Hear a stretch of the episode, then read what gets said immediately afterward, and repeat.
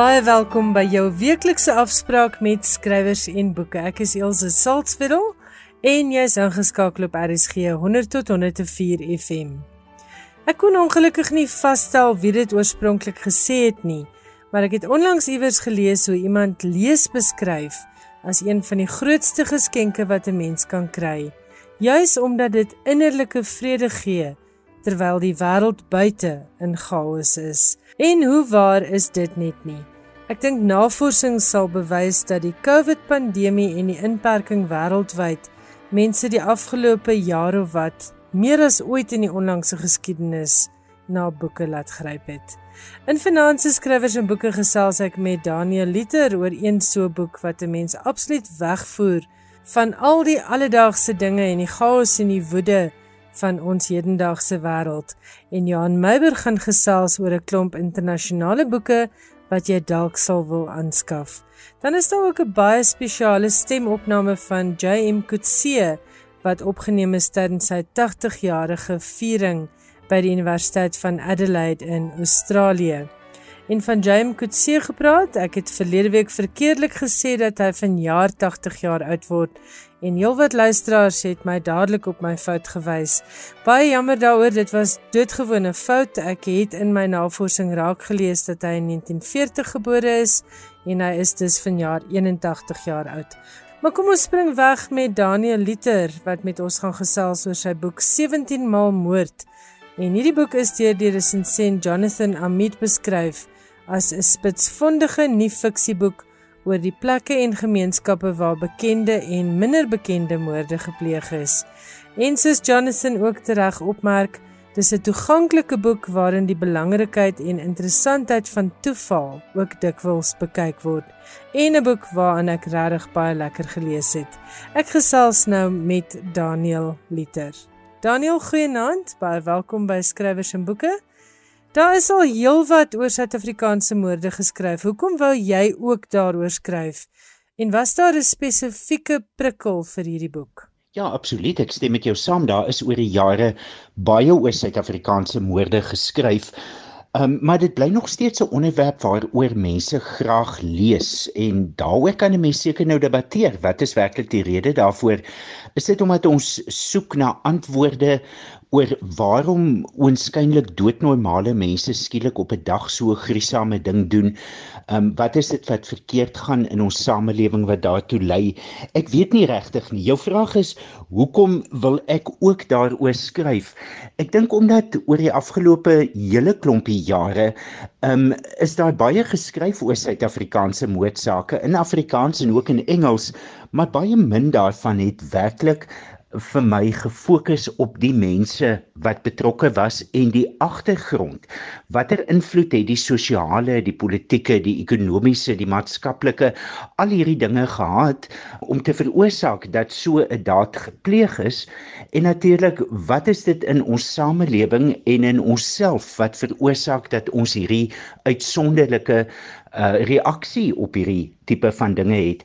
Daarom sal jy merk dat ek in 17 maal moord in die meeste van die sake regtig probeer inklim het in wat is die agtergrond van die persoon wat die daad gepleeg het? Wat was die agtergrond van die slagoffer?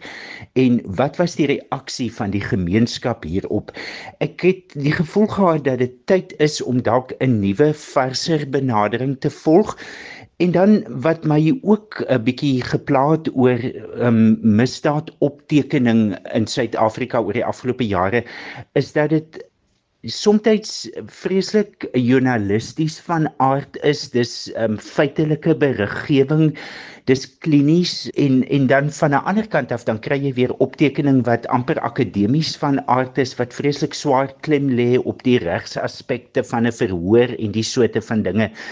Maar daar word nog nie vir my lekker sterk genoeg gekyk na die menselement nie. En ek dink dit was een van die redes waarom ek gevoel het kom ons vat 'n historiese oorsig van Suid-Afrika. Hoe het Suid-Afrika op verskillende periodes gelyk?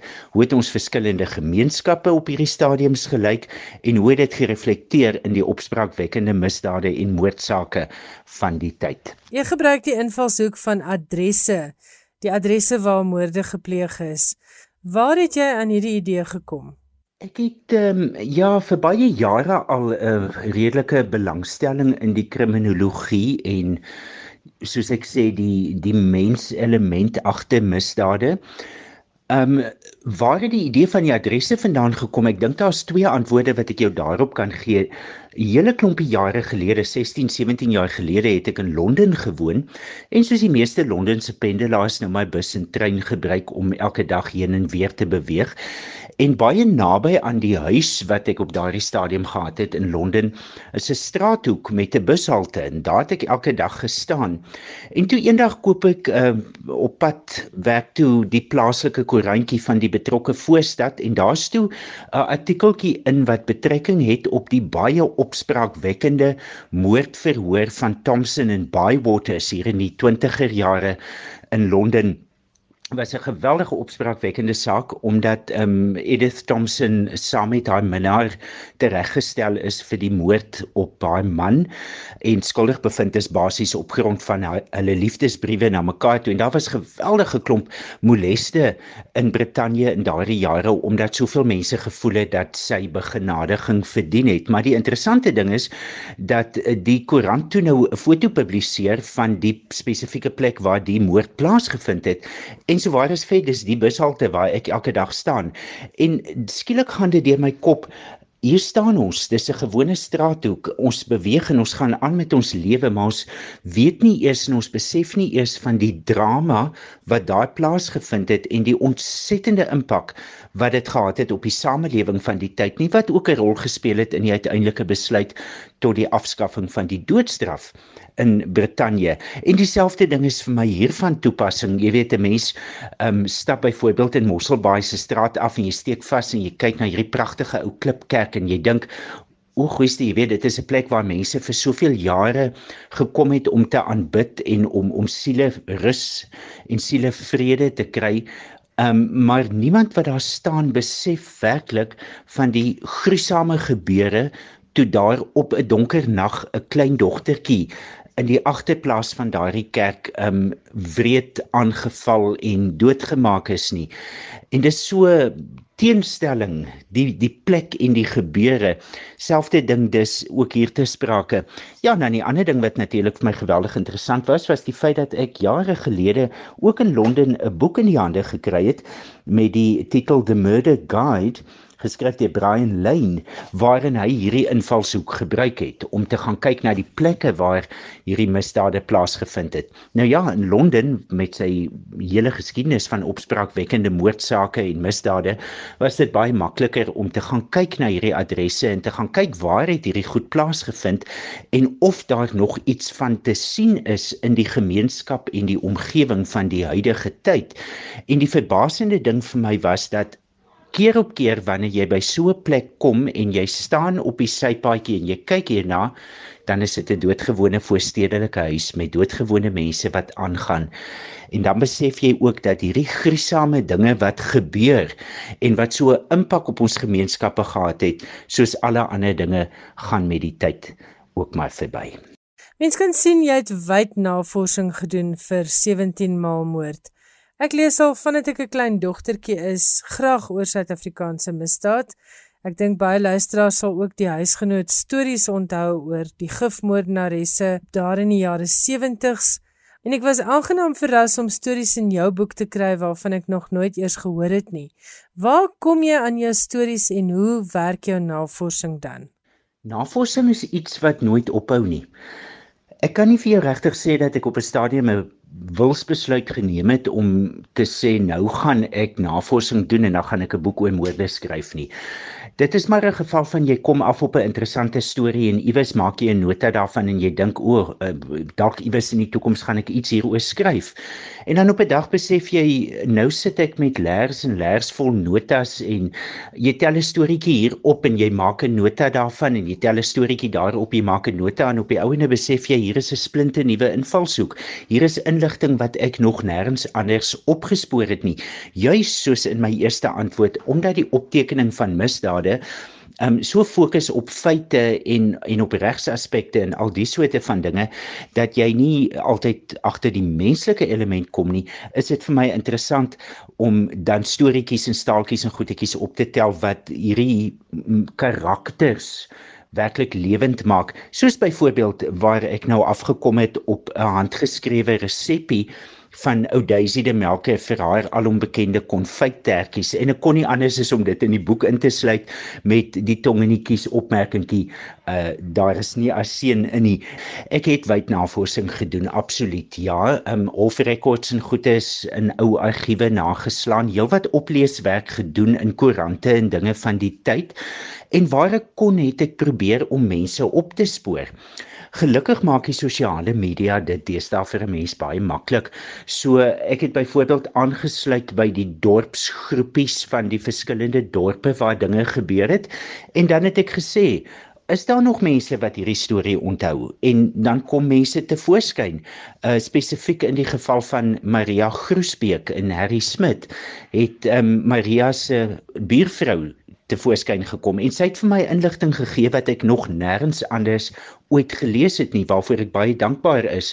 Ook um Maria se werkgewer se seun die seun van haar werkgewer destyds het vir my baie dinge kon vertel oor haar en haar gedrag en haar optrede en haar huishoudelike omstandighede van die tyd wat kwessies is wat nie noodwendig destyds soveel aandag gekry het nie In die geval van Margaret Reder byvoorbeeld het ek um, notas gemaak na gesprekvoeringe o goeiste 1998 se koers in die Suid-Kaap toe uh, ek op Oudtshoorn gewoon het en toevallig daar kennis gemaak het met haar buurvrou wat teenwoordig was op die aand toe haar man nou dood is aan aan die gif en toe nou ook toevallig ontdek dat die medebeskuldigde in haar saak wat uiteindelik nie vervolg is nie, ook op Oudtshoorn gewoon het en met hom kon gesels oor wat was werklik aan die gang. Wat wie was sy? Wie was die mens? agter dit.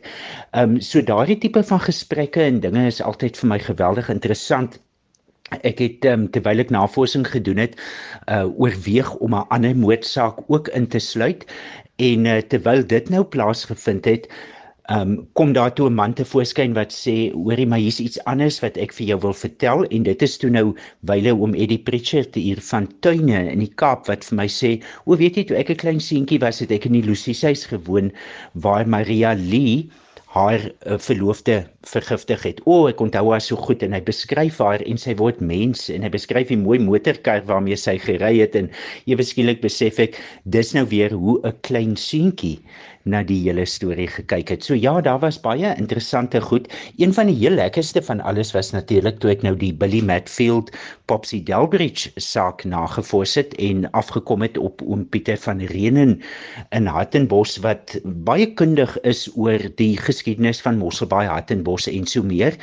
En ehm um, genooi word na hulle huis toe en ek het daar by die oom en die tannie gaan sit en die oom het vir my 'n klomp goedes gegee wat hy nou uit argiewe uitgehaal het en opgedeel gediep het en so. En toe ons nou klaar is toe sê die tannie vir hom paas jy nou klaar is dan wil ek nou ook vir hom 'n storie vertel. En hier is 'n ooggetuie van die uh duplisie uh, moordsaak in Windhoek wat ek toe besig is om na te vors en waaroor inligting ontsettend skraps is en ewe skielik uit die bloute hier sit ek onverwags voor 'n ooggetuie. Sy was die aand daar, sy die skoot hoe hy val, sy die man uit die kamer sien styer, sy die bloedmerke teen die mure gesien. Sy was daar toe die polisie opgedaag het. En ja, dit is net asof asof die dinge my van self na jou toe kom. Wat nou baie interessant is, is nadat die boek gepubliseer is, nou kry ek ook veral op die sosiale media mense wat my kontak en sê: "O, te loops, het jy dit geweet of het jy al hiervan gehoor of het jy dit gesien?" En so gebeur dit dat juis hierdie afgelope naweek, um, ek toe nou 'n dokument in die hande kry wat opgestel is deur Harry Morris 20 jaar gelede Harry Morris die groot advokaat van die 30e 40e jare wat um, Daisy de Melker in haar moord verhoor verdedig het. En Harry Morris het na afloop van die verhoor toe nou in hierdie dokument verklaar dat hy van meet af aan oortuig was daarvan dat sy skuldig was Maar dan noem hy ook 'n interessante ding, dan sê hy selfs al sou ek haar los gekry het, sou sy nie los gekom het nie, want daar was al reeds vier speurders van Salisbury wat in Johannesburg was om haar te arresteer omdat hulle toe aan die ondersoek was na die dood van 4 of 5 ander familielede in die destydse Rhodesia onder andere 'n oom van haar. So Daisy sou maar net op 'n ander plek verhoor word ook op klagtes van moord. Nou dit gee natuurlik 'n splinte nuwe dimensie aan die hele storie want Daisy wat nou so hartstogtelik haar onskuld bely het en nou lyk dit asof sy eintlik baie erge was, asof sy 'n reeksmoordenaar was wat al van jongs af begin het. Feit van die saak is sy is skuldig bevind en sy is tereggestel derhalwe is sy nooit vervolg op daardie klagtes nie. En omdat daardie klagtes nooit teen haar ingebring is nie het dit in die geskiedenis vervaag. As dit nie was dat iemand nou onlangs vir my hierdie dokument van haar advokaat gestuur het nie sou ons waarskynlik daarvan ook nooit geweet het nie. Natuurlik, navorsing dis vir my die lekkerste element van dit alles. Wat ek nou al oor die jare agtergekom het is dat 'n mens gaan soek nie 'n storie nie, 'n storie kom meld hom aan. Jy kom op 'n dorp en jy ry in 'n ou straatjie en jy wys na 'n huis en jy sê vir jou gasheer, "O, dis 'n pragtige ou plekkie daai." En dan sê hy, "O, maar daar loop mos nou 'n storie in die dorp dat dit spook daar." En jy sal vra nou maar hoekom wat se spook loop daar dan sê hy vir jou sê o dit is die vrou wat um, gehang is omdat sy haar man in die huis vermoor het en daar het jy jou storie. Dan begin soek 'n mens natuurlik dadelik. 'n um, Ander storie wat byvoorbeeld sal gebeur is dat jy uh, loop in die museum en hier is 'n artefak en daar word verwys na dit het betrekking op hierdie of daardie persoon. Nou wie was hierdie of daardie persoon? Jy begin navorsing kom af op 'n ongelooflike interessante storie. Daar's 'n paar voetboeie in die CPNL museum op Oudtshoorn en die plaatjie daarby sê dis die voetboeie waarin Gert Swanepoel aangehou is. Nou wie is Gert Swanepoel? Wat het Gert Swanepoel gedoen? Jy begin navorsing doen, jy gaan terug op ou uitgawes van die koerant in die museum se argief en ewe skielik kom jy agter Gert Swanepoel was hierdie absolute wreedaardige reeksmoordenaar met die bynaam die bloubaard van die Gourits waaroor daar selfs in die buiteland 'n boek gepubliseer is. Nou interessant as jy verder gaan op Gert Swanepoel se saak, dan kom jy nou agter nee, maar jy weet die die uh, polisieman wat hom destyds uiteindelik vasgetrek het, sy agterkleinseun leef nog, hy's 93 jaar oud en jy's gelukkig genoeg om hom in 'n ouete huis op te spoor en hy vertel vir jou wat wat sy ouma en sy ouma grootjie vir hom as kind vertel het oor hierdie saak. So stories kom net eenvoudig na jou toe. Dit is nie 'n kwessie van dat jy ehm um, werklik gaan om te gaan soek vir 'n interessante moordsaak nie. Dit gebeur maar net. En natuurlik moet ons nou onthou dat Suid-Afrika betreklik laat ehm um, televisie gekry het. So tot hier in die 70e jare was die grootste bron van inligting en vermaak en so aan was mos nou maar ons koerante en goed. En moordsake wat altyd nuuswaardig is, sou in die koerante in detail bespreek word. Soveel te meer nog in die vroeë jare waar koerante bladsye en bladsye en bladsye van uh woordelikse hof verrigtinge sou publiseer en mense sou tou staan om by die hof te kom dis 'n interessante gewoonte. Dit het nog nooit opgehou nie. Dit het ons nou weer gesien met die van Breda saak byvoorbeeld waar mense mekaar vertrap het om in die hof te kom om die klein brokkies uh inligting en sappige dingetjies rondom die gebeure te kry. Dit laat 'n mens dink aan die massas wat voor die hof gestaan het toe Daisy de Melke verhoor is. So ja, daar's altyd iets um interessant aan stories wat soort van hulle self aanmeld om vertel te word. In hierdie boek 17 maal moord was daar stories wat my aan die hart gegryp het. Is daar stories wat jou as skrywer bygebly het? Ja, ek dink nie as 'n mens so kontak het met die mense wat intens betrokke was en ek moet sê in sommige gevalle met familielede en dinge, ek het gesels met een van die gifmoordenaresse wat in die boek vervat is se dogter en jy besef ons is op pad na 70 jaar na die gebeure. Sy was 'n klein dogtertjie en dit het 'n 'n enorme impak op haar lewe gehad tot hierdie dag toe. Een van die bejaarde dames met wie ek gesels het wat betrokke was by die Boegner abortus skandaal um, wat vandag as 'n hoogbejaarde vrou nog steeds die impak daarvan op haar lewe voel. So ek dink as 'n mens in die navorsing met mense te doen kry wat so intens betrokke was, dan is daar bepaald stories wat uitgestaan en en wat mense aan die hart gryp. In die boek is daar 3 wat ek kan uitlig wat regtig in my kop gewerk het. Die ene is die storie van Gert Du Plessis Lamprecht en die skooljuffroutjie wat hy in Windhoek doodgeskiet het. En ja, baie onlangs het sy sy broer se seun my gekontak en interessante ding wat gebeur hy sê vir my ek het groot geword met die stories van die oom van my wat gehang is. Ek het hom nooit geken nie. Ek weet nie hoe hy gelyk het nie. En dit was vir hom 'n geweldige ervaring toe ek hom van 'n foto van sy oom kon voorsien. Maar daardie storie het vir my verskriklik aan die hart gegryp omdat dit 'n ding was wat almal van ons seker maar iewes in ons lewe ervaar hierdie geweldige jeugliefde waar alles wonderlik lyk en alles gaan regloop en wanneer ons dit verloor dan voel dit asof die wêreld onder ons wegkrummel en dan gaan hierdie 19 18 19 jarige seun en hy neem 'n wapen en hy skiet die die man wat nou sy meisie afgevat het dood. Dan het ek by myself gewonder was die emosies maar altyd vir jong mense dieselfde. Dit was 'n storie wat my baie na in die hart gelê het, die saak van Billy Matfield en Popsy Delbridge um, by die Klipkerk in Mosselbaai. Hierdie man seun van 'n gesiene inwoner van die dorp wat 'n klein dogtertjie molesteer en haar dan doodmaak en die enigste man is wat ooit daar tereggestel is. Ek weet nie Pops Popsy het almekaar in my kop gedraai. Ek kon haar nie uitkry nie. Dit is asof sy gevra het dat haar storie vertel moet word. Was natuurlik ook 'n kommentaar op 'n tyd wat soveel anders was as ons in 'n tyd van onskuld waar niemand eh, bekommerd geraak het as 'n kind nie onmiddellik na skool huis toe kom nie en daardie soort van ding.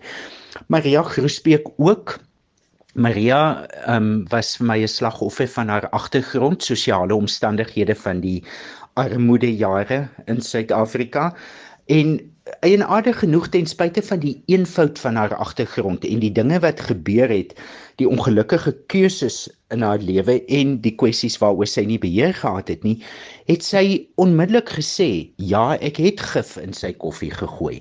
Ek het nie bedoel om hom dood te maak nie, maar ek het dit nou gedoen, so ek is skuldig. Ek ek aanvaar dit nou." En nogtans was daar vir haar geen versagting nie of uh, geen ek wil amper sê geen begrip daarvoor nie.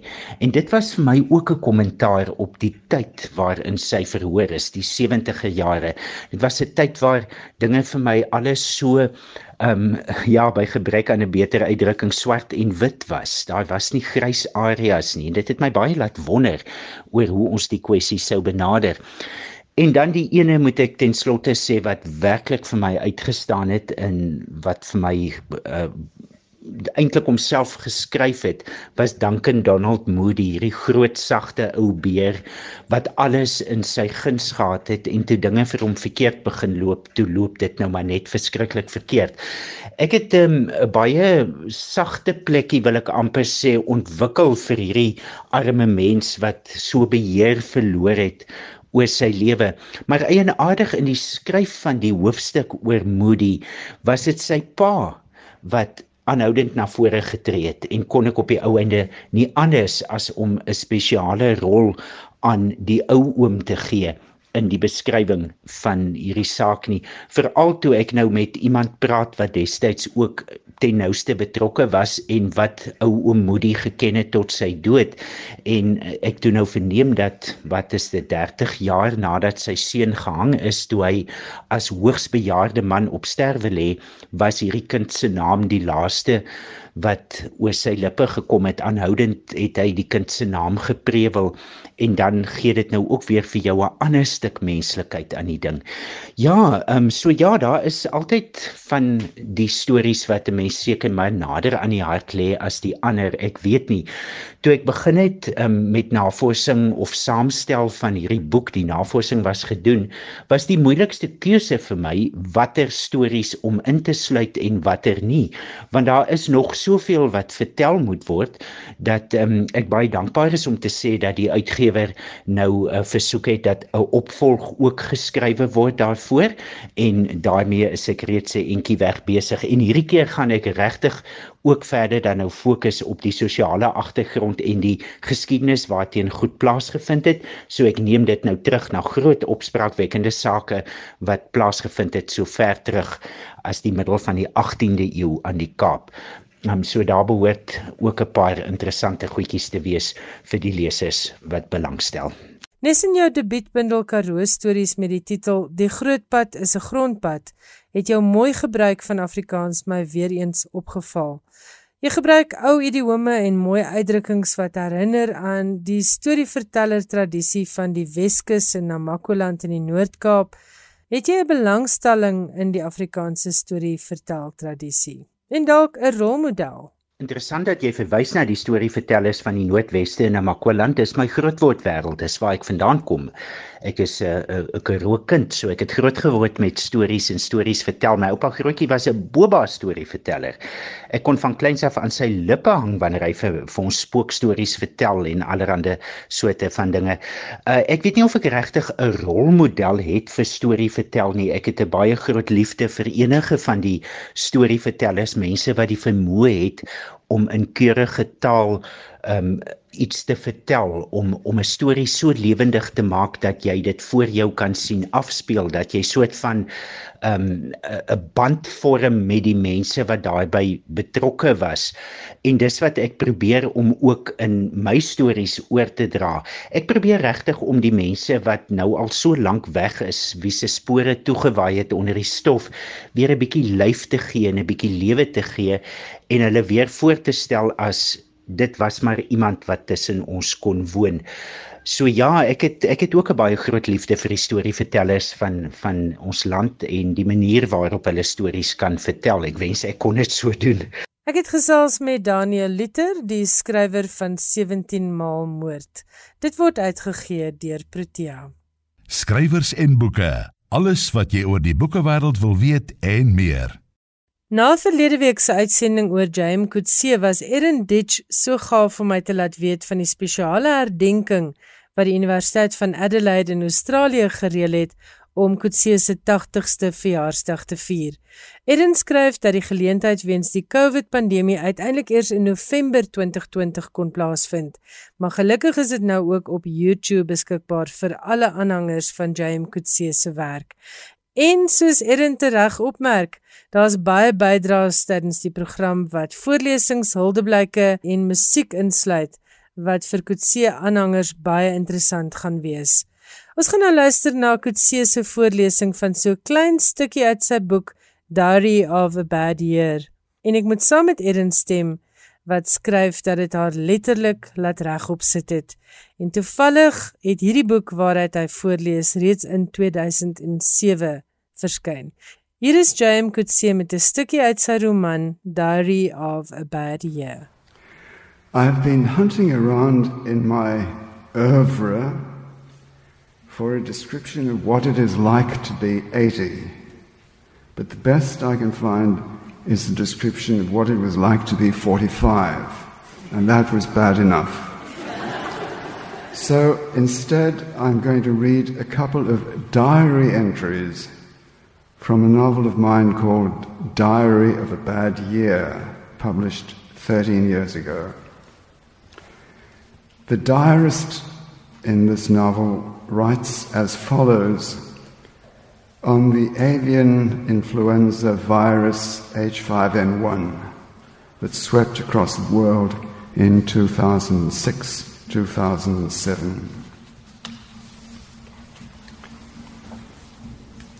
It would appear that certain viruses, most notably the virus that causes avian influenza, are able to migrate from the species that normally host them to human beings. The 1918 influenza pandemic would seem to have been the work of an avian virus. If we can speak meaningfully of viruses as possessing or being possessed by a drive or instinct It is an instinct to replicate and multiply. As they multiply, they take over more and more host organisms. It can hardly be their intention, so to speak, to kill their hosts. What they would like, rather, is an ever expanding population of hosts. Ultimately, what a virus wants is to take over the world. That is to say, to take up residence in every warm blooded bloodstream.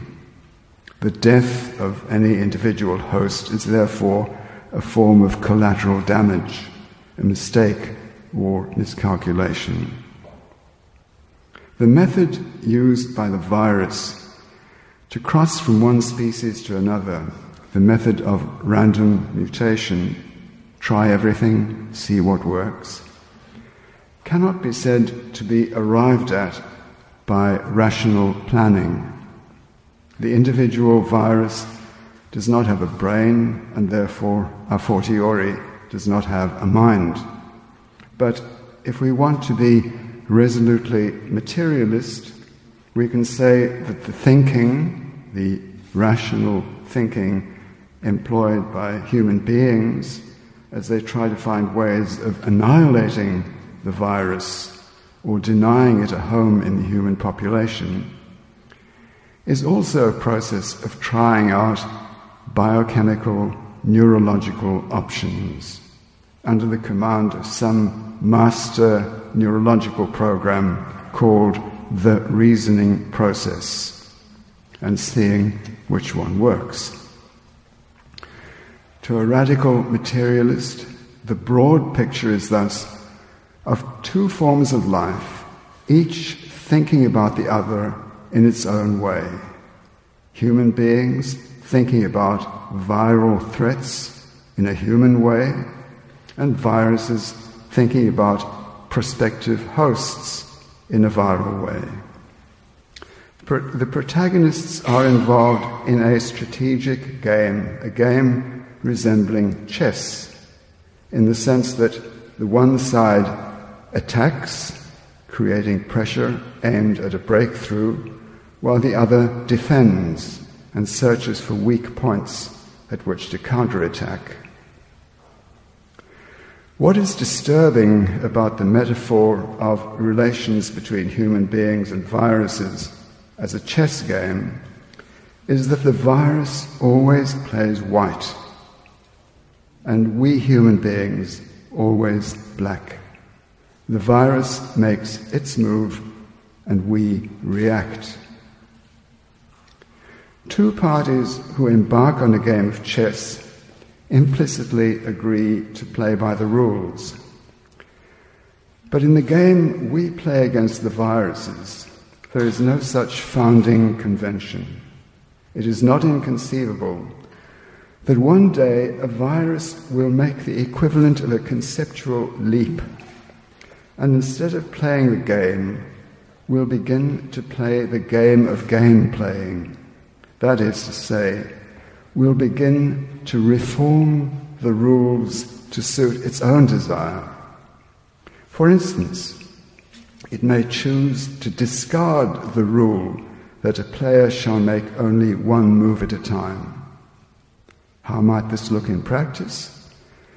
Instead of striving, as in the past, to evolve a single strain capable of overwhelming the host body's resistances, the virus may succeed in evolving a whole class of dissimilar strains simultaneously, analogous to making a number of chess moves at once, all over the board.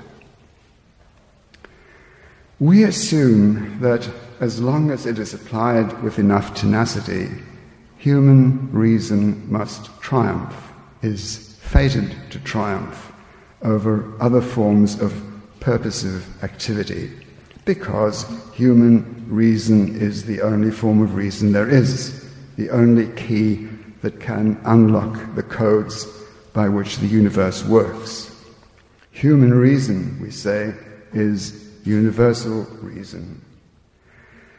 But what if there is, are equally powerful modes of thinking that is, equally effective biochemical processes for getting to where your drives or desires incline you? What if the contest to see on whose terms warm blooded life will continue on this planet does not prove human reason to be the winner? The recent successes of human reason in its long contest with virus thinking should not delude us, for they have occupied a mere instant in evolutionary time. What if the tide turns? And what if the lesson contained in that turn of the tide is that human reason has met its match? Jy het geluister na die skrywer James Coetzee wat voorgeles het uit sy roman Diary of a Bad Year. Dit het reeds in 2007 verskyn en hoor nou net waaroor het hy geskryf.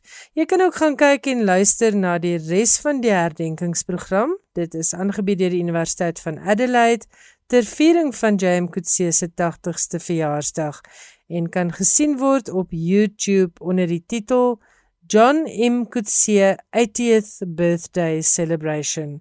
Net weer John M Coetzee 80th birthday celebration en dit is op YouTube. Baie dankie weer Erenditch dat jy vir my daarvan laat weet het. Skrywers en boeke. Elke Woensdag aand tussen 8 en 9. Nou is dit Johan Meiburg se beurt met sy internasionale boekbydra. Johan, baie welkom. Jy skop af met nuus oor die finaliste vir een van die groot internasionale letterkundige pryse. Die Rathbones Folioprys se kortlys is onlangs aangekondig en Monique Roffey se roman waarmee sy die Costa Prys die Romanprys en die Costa van die Jaarprys gewen het, is ook deel van die lysie. Die Rathbones Folio Prys met 'n prysgeld van meer as 600 000 rand het in 2013 tot stand gekom, so die media dit destyds beskryf, as oppositie vir die Boekerprys. Dit was 'n groep besorgdes wat daardie jaar die prys in die lewe geroep het oor die rigting waarin die Boekerprys begin beweeg het meer 'n prys vir populêre as vir literêre fiksie. Margaret Atwood, een van die besorgdes, het dit destyds so uitgedruk: Die Folio-prys is broodnodig in 'n wêreld waarin geld toenemend die maatstaf word, waar volgens alles gemeet word. Die Londense uitgewer, The Folio Society, was die eerste borg van die prys tans is dit Rathbone Investment Management wat die prys finansiëel steun. Die prys word toegekend aan die beste skryfwerk ongeag die genre. En die boeke wat vanjaar meeding is Handiwork deur Sarah Boom uitgegee deur Tramp Press, 'n verkenning van die aard van kuns en kreatiewe werk. Indelicacy deur Amina Kane uitgegee deur Don't Books 'n boek wat beskryf word as 'n feministiese fabel. As You Were deur Elaine Feeney, uitgegee deur Havel Secker. Feeney se debuutroman, sy's 'n digter wat beskryf word as 'n donker komedie oor 'n ma wat haar kankerdiagnose geheim hou.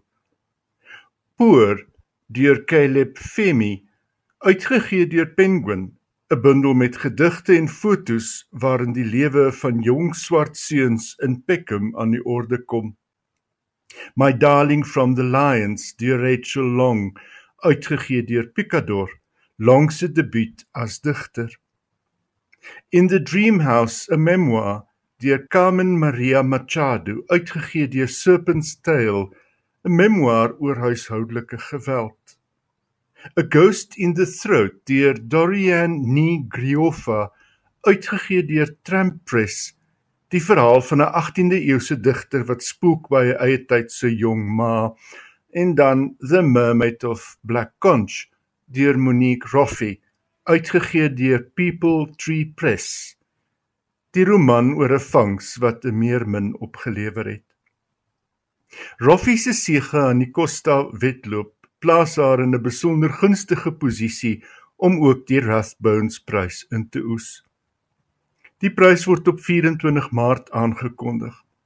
Vorige wenners van die prys sluit in die Meksikaanse skrywer Valeria Luiselli, die Britse digter Raymond Antrobus en die Amerikaanse skrywer George Saunders.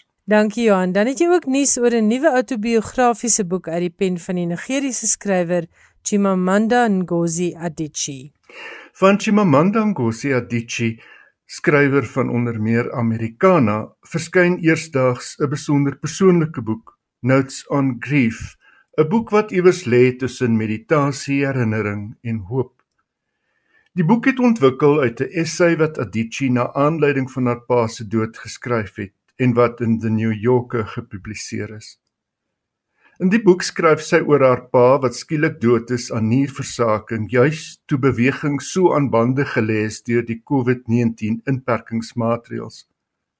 Sy beskryf haar verlies as die van een van die miljoene mense wat rou oor die dood van 'n geliefde, oor die impak van die dood van 'n geliefde op die gesin en die familie en oor die alleenheid en woede wat daarmee gepaard gaan.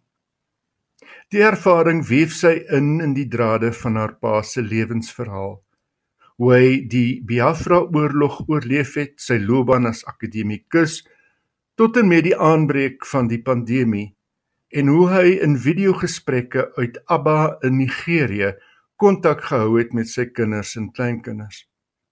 Adichie het groot geword in Nigerië en pendel die staat tussen die land en die FSA.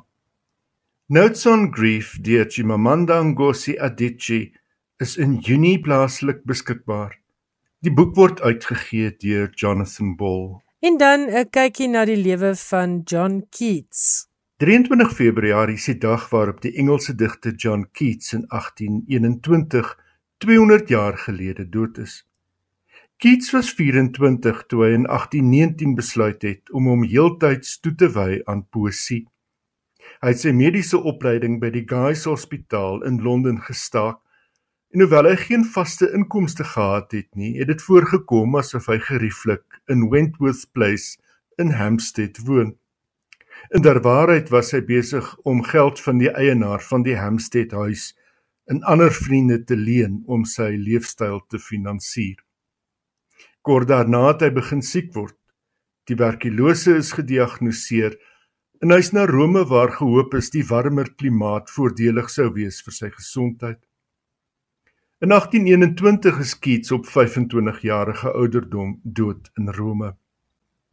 In die herdenkingsjaar verskyn 'n biografie deur Lucasta Miller, Keats: A Brief Life in 9 Poems and One Epitaph. 'n Boek wat reeds heel wat aandag getrek het en wat dalk nog meer oë gaan laat trek. Miller neem soos sy die titel aandui Keats se bekendste gedigte en verken die stories agter die gedigte.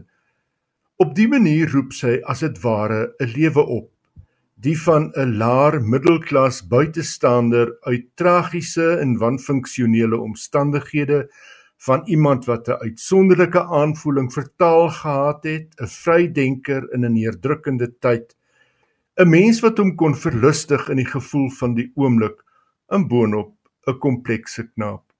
Die waarde van Miller se biografie is juis dat sy Keats stroop van wie ons vandag dink hy is en hom voorstel soos sy eerste lesers met hom sou kennis gemaak het. Om Miller ietwat geparafraseerd aan te haal, die indruk wat Keats se gedigte in die vroeg 19de eeu op sy lesers gemaak het, was die van indecent, excessive, second-hand incoherent and improper. Teen die einde van die biografie maak Miller die opmerking: Ek sien Keats nie as 'n geestelike guru wat my kan leer hoe om te lewe nie. Wat vir my die waarde is van sy oorblywende verse en briewe, is die feit dat dit ons 'n aanduiding gee van hoe hy gelewe het. Een van die gedigte wat Miller in haar biografie gebruik is Ode to a Nightingale. Hier lees Stephen Fry die gedig van John Keats voor. My heart aches and a drowsy numbness pains my sense as though of hemlock I had drunk or emptied some dull opiate to the drains one minute past and Lethe woods had sunk. 'Tis not through envy of thy happy lot, but being too happy in thine happiness, that thou, light winged dryad of the trees, in some melodious plot of beechen green and shadows numberless, singest of summer in full throated ease. Oh, for a draught of vintage that hath been cooled a long age in the deep delved earth, tasting of flora and the country green, dance and Provençal song and sunburnt mirth. Oh, for a beaker full of the warm south, full of the true, the blushful Hippocrene, with beaded bubbles winking at the brim and purple stained mouth, that I might drink and leave the world unseen, and with thee fade away into the forest dim, fade far away, dissolve, and quite forget what thou among the leaves hast never known. The weariness, the fever, and the fret here, where men sit and hear each other groan, where palsy shakes a few sad last grey hairs, where youth grows pale and spectre thin and dies, where but to think is to be full of sorrow, and leaden eyed despairs, where beauty cannot keep her lustrous eyes, or new love pine at them beyond tomorrow. Away, away, for I will fly to thee, not charioted by Bacchus and his pards, but on the viewless wings of poesy. Though the dull brain perplexes and retards, already with thee tender is the night. And haply the queen moon is on her throne, clustered around by all her starry fays. But here there is no light, save what from heaven is with breezes blown through verdurous glooms and winding mossy ways. I cannot see what flowers are at my feet, nor what soft incense hangs upon the boughs, but in embalmed darkness guess each sweet wherewith the seasonable month endows the grass, the thicket, and the fruit tree wild white hawthorn and the pastoral eglantine, fast fading violets covered up in leaves, and mid May's eldest child, the coming musk rose, full of dewy wine, the murmurous haunt of flies on summer eves. Darkling I listen, and for many a time I have been half in love with easeful death, called him soft names in many a mused rhyme, to take into the air my quiet breath. Now more than ever seems it rich to die, to cease upon the midnight with no pain, while thou art pouring forth thy soul abroad in such an ecstasy. Still wouldst thou sing, and I have ears in vain, to thy high requiem become a sod. Thou wast not born for death, immortal bird. No hungry generations tread thee down. The voice I hear this passing night was heard in ancient days by emperor and clown. Perhaps the self-same song that found a path through the sad heart of Ruth, when sick for home she stood in tears amid the alien corn the same that oft times hath charmed magic casements, opening on the foam of perilous seas in fairy lands forlorn. Forlorn, the very word is like a bell to toll me back from thee to my sole self. Adieu. The fancy cannot cheat so well as she is famed to do, deceiving elf. Adieu, adieu thy plaintive anthem fades, past the near meadows, over the still stream, up the hillside, and now 'tis buried deep in the next valley glades. Was it a vision or a waking dream? Fled is that music. Do I wake or sleep? Jy het geluister na Stephen Fry wat John Keats se gedig Ode to a Nightingale voorgeles het. En ek herhaal graag net weer die titel van die boek waarna Johan Meiburg verwys het. Dit is Locusta Miller se biografie Keats: A Brief Life in 9 Poems and One Epitaph.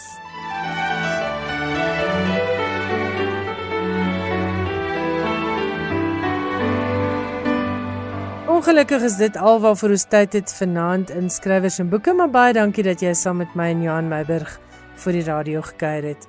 Tot volgende Woensdag aand wanneer ons weer so maak. Hoop ek jy het 'n stapel wonderlike boeke om te lees. En onthou bly gerus ingeskakel op RSG want daar's altyd nuus, vermaak en musiek. Pas jouself mooi op tot ons weer saam kuier volgende Woensdag aand om 8uur. Totsiens.